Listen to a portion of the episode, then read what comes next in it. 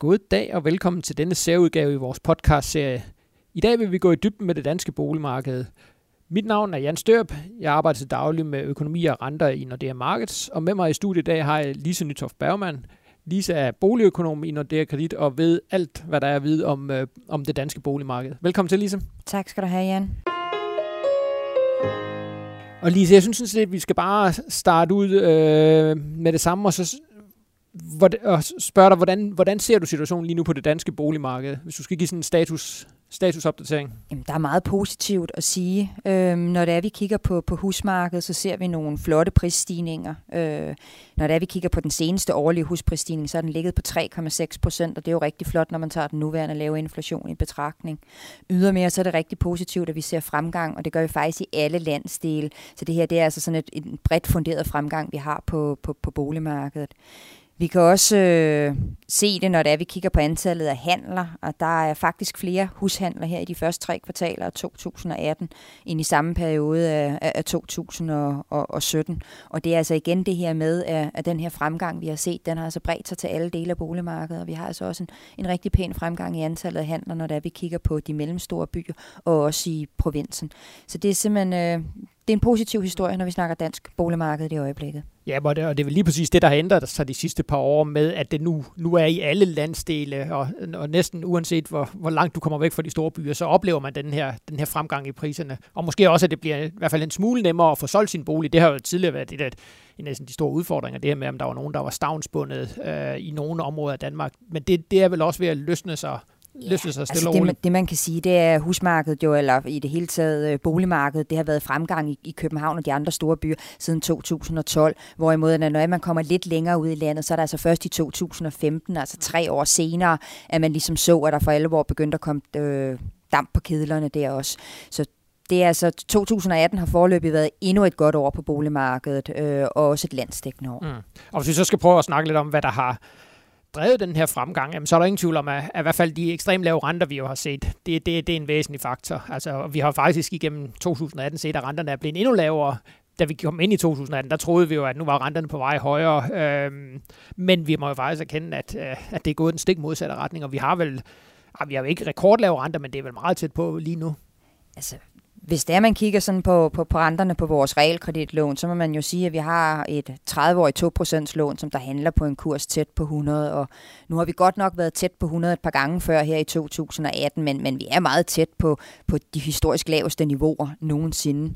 Når det så er, at vi kigger på, på renten på de variabelforrentede lån, som sådan et øh, F3 eller et F5-lån, så vil man sige, at, at i øjeblikket så er renten på sådan et F3-lån, den ligger omkring minus 0,1, og et F5-lån omkring 0,25. Så altså også der er vi på nogle meget lave niveauer, også selvom vi måske ikke lige kan bruge, øh, bruge ordet rekord øh, på, på, på dagens niveau. Jo, jo, og når vi ser sådan et, et langt perspektiv, så er netop de her finansieringsomkostninger, det er jo virkelig en vigtig faktor i forhold til det, hvordan, øh, hvordan prisen udvikler sig. Det, Men, det spiller rigtig meget ja. ind, når det er, at man ser på kreditvurderingen. Der, der skal ikke nogen særlig stor stigning til renten for, at, at beløbet på det lånebevis, som boligkøberne går ned og får i banken, inden at, at jagten starter på drømmeboligen, at det, det rykker noget ned. Så de lave renter her øh, har stor betydning for, at, at vi har kunne se de her prisstigninger, som vi har set de seneste år. Men så det, rigtig, det rigtig giftige spørgsmål, det er jo så, hvad, hvad skal man så gøre som, som boligejer øh, og potentielt førstegangskøber? Hvordan skal, man, øh, hvordan skal man udnytte de her lave renter? Skal man gå i fast forrentet, eller hvad, hvad, hvad tænker du? Så først og fremmest anbefaler vi jo altid, at man køber bolig med brug for øje, så man skal ikke sådan haste ud på boligmarkedet, fordi nu er renten lav, og derfor så skal vi købe bolig på nuværende tidspunkt. Øh, hvis det er timingen er den rigtige i den konkrete familie, og man altså gerne vil ud og, og, og have sit første hjem, jamen så anbefaler vi, at man vælger et fastforrentet lån med afdrag. Øh, eller hvis det er, at man tager et fastforrentet uden, øh, lån uden afdrag, at man så i hvert fald bruger de her, øh, den her afdragsfrihed så til at få, få, få banklånet hurtigere væk. Øh, har man en stærk økonomi, er man angangskøber, øh, har man en god robusthed, og sover man også godt om natten, selvom der er, der er lidt tumult på rentemarkedet, og pilen måske peger opad, jamen så kan man vælge et variabelt forrentet lån i forvejen. Så der er ikke sådan et lån, der er det rigtige til alle boligkøbere eller alle boligejere. Nej, hvis vi så lige skulle koble vores renteprognose med alle de forbehold, der er jo omkring en prognose, altså det er jo ekstremt svært at sige noget om, hvor renten er om et til to år. Men altså den, den verden, som vi ser ind i, jamen der tror vi faktisk, at renterne kommer til at stige en smule. Øh, men, men jo stadigvæk ikke, ikke ikke voldsomt. Og det, som vi ligesom tror, der skal køre renterne lidt højere igennem 2019, jamen det vil være, at den europæiske centralbank begynder at sætte renten op. Det kan også være, at vi får et par, par renteforholdelser herhjemme fra vores egen nationalbank, måske endda inden den europæiske centralbank. Så lidt højere renter, men, men ikke noget, der, der bør vælte budgettet for, for nogle boligejere. Det er slet ikke de niveauer, vi snakker om. Vi snakker måske en halv procentpoint, øh, en procentpoint, hvis det går, hvis det går voldsomt for sig, men, men, men jo ikke mere end det. Så, det. så selvom vi kommer hen i 2020, vil det jo stadigvæk være nogle lave renter, der, der vil alt lige bør understøtte boligmarkedet. Ja, yeah, altså det vil ikke, øh, de, den stigende rente vil selvfølgelig lægge en lille dæmper på, hvor store prisstigninger vi kan få, men hvis det så er omvendt, at man kigger på beskæftigelse, som du jo ved alt om, så er det jo nogle flotte tal, som vi har set på det seneste, og, og, og det er vel også det, din forventning går på, når vi kigger ind i 2019. Jamen helt sikkert, og, og øh, hele baggrunden for, at vi forventer de her lidt højere renter, det, det er jo netop, at beskæftigelsen kommer til at fortsætte, øh, også lønningerne kommer til at stige noget mere, så det er jo den, det er jo den gode historie, øh, som ligesom trækker renterne lidt højere, og derfor tror jeg også, at at den støtte, der vil være til boligmarkedet, jamen det kan godt være, at den ikke kommer helt så meget fra rentesiden, men til gengæld kommer den så fra, at, at endnu flere folk kommer i beskæftigelse, endnu flere folk får mulighed for at købe en bolig, øhm, så, så efterspørgselen efter boliger nok skal, skal holde sig på, på, et, på et fornuftigt niveau. Men når vi nu har den her, haft den her lange periode med stigende boligpriser, du snakker om flere handlere, vi kan se, at, at boligpriserne har spredt sig til hele landet, så er det jo nærliggende at sige, jamen er det ikke præcis det samme, som vi så i 2004-2005, øh, hvor, vi, hvor vi jo lavede den her boligboble, og, og hvor vi jo virkelig fik nogle, nogle grimme tæsk bagefter. at er vi på vej ind i en ny boligboble, sådan som du ser det? Nej, det tror vi overordnet set ikke, men, men vi har da et par bekymringslamper, og, og den største bekymringslampe, den går lidt på øh, de her kraftige boligprisstigninger, vi har set på ejerlejlighedsmarkedet i de store byer øh, de seneste år. Og, og det, der så er positivt ved den historie, det er, at vi faktisk her i 2018 har set, at de her prisstigninger, de, de, de blev afløst af sådan mere sidelandsudvikling, endda en lille sivende udvikling på ejerlejlighedsmarkedet i de allerstørste byer. Her tænker jeg særligt på, på, på København og, og Aalborg. Øhm, og det bliver selvfølgelig drevet ned af, der har været lidt færre ejerlejlighedshandler her i 2018. Hvis man sådan kigger på de første tre kvartaler af 2018, og så sammenligner med samme periode 2017, så har der faktisk været 7% færre handler på, på, på ejerlejlighedsmarkedet. Og det her fald, det har altså været størst i de store byer. I København er faldet for eksempel på, på 12 procent, og i Københavns omegn på 9 procent. Hvorimod, at hvis man sådan tager til, til, til det jyske og tager over i Østjylland, hvor der ligger mange ejerlejligheder i Aarhus, eller i Nordjylland med mange ejerlejligheder i Aalborg, så er der en været 2-3 procent færre handler øh, der i løbet af de første, første kvartaler, tre kvartaler men, Men de områder, du nævner her, er vel også de steder, hvor priserne er steget allerkraftigst?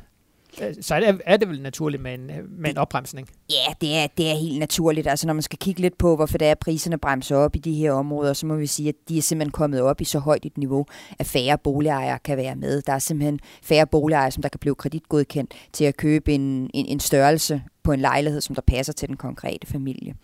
Derudover så har der også været ændret lidt på de her god skikregler i starten af 2018, hvor man er gået ind og, og sagt, at hvis det er, at man har brug for et stort lån i forhold til familiens indkomst, altså hvis man er det, man kalder højt belån, jamen, så er der ikke længere frit valg på alle hylder, når det er, at man skal vælge låntype. Så har man simpelthen ikke længere mulighed for at vælge de mest risikable låntyper, altså dem med variabel rente og afdragsfrihed.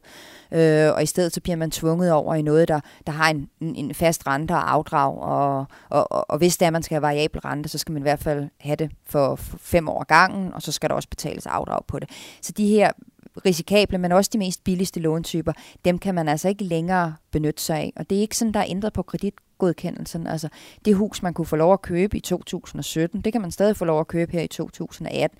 Det er altså et alene spørgsmål om, hvad for nogle låntyper, man kan få lov at finansiere det med. Så det er ikke sådan, at man, man, man pludselig ser, at, at bankerne eller realkreditinstitutterne har slået hælen i.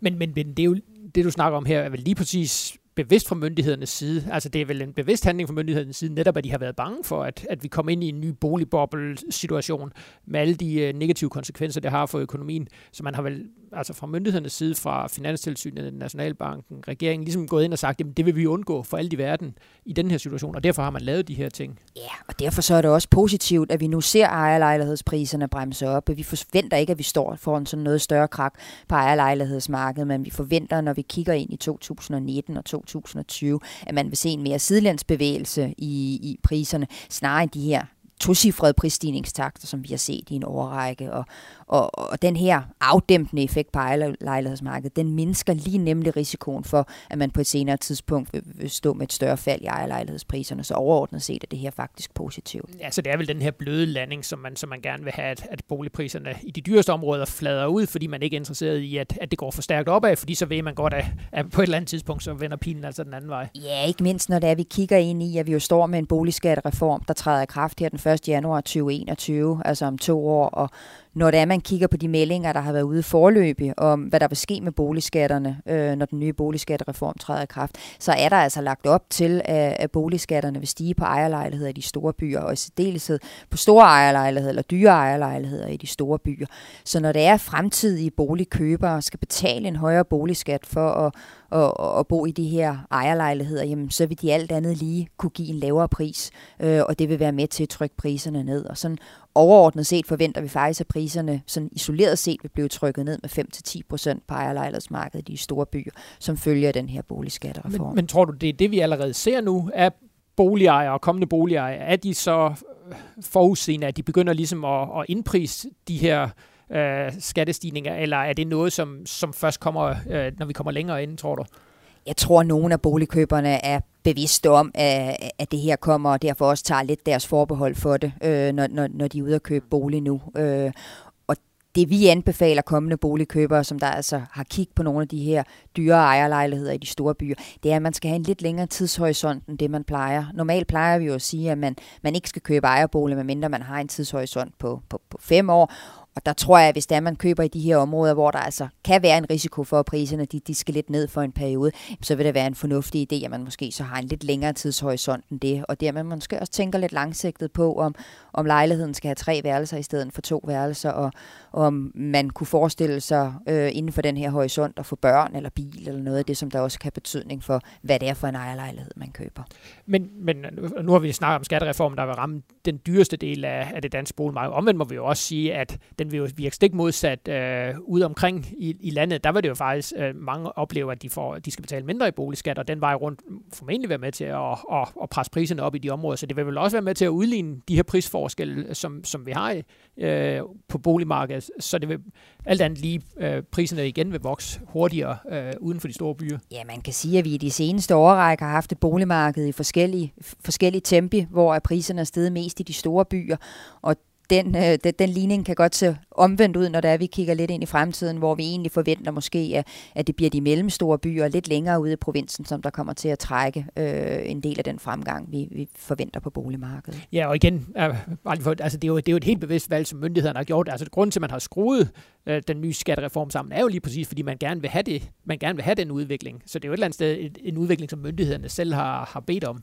Ja, yeah, og så skal man også huske på, at boligejerne i de store byer jo altså har været mere begunstiget af det her skattestop og skatteloft, end man har været ude i provinsen. Så det er måske også nogle af de forskelle, som der har været oparbejdet gennem en længere periode, som følger det her skatteloft og skattestop, som der altså nu bliver, bliver fjernet. Og det betyder også, at man, man fremadrettet kan forvente, at hvis der er prisen på ens bolig stiger, jamen så stiger boligskatterne også. Og det er sådan set meget sundt for, for den overordnede økonomiske udvikling. Super. Uh, lige et sidste øh, spørgsmål her på falderæbet. Vi har ikke, uh, vi har slet ikke snakket sommerhusmarkedet.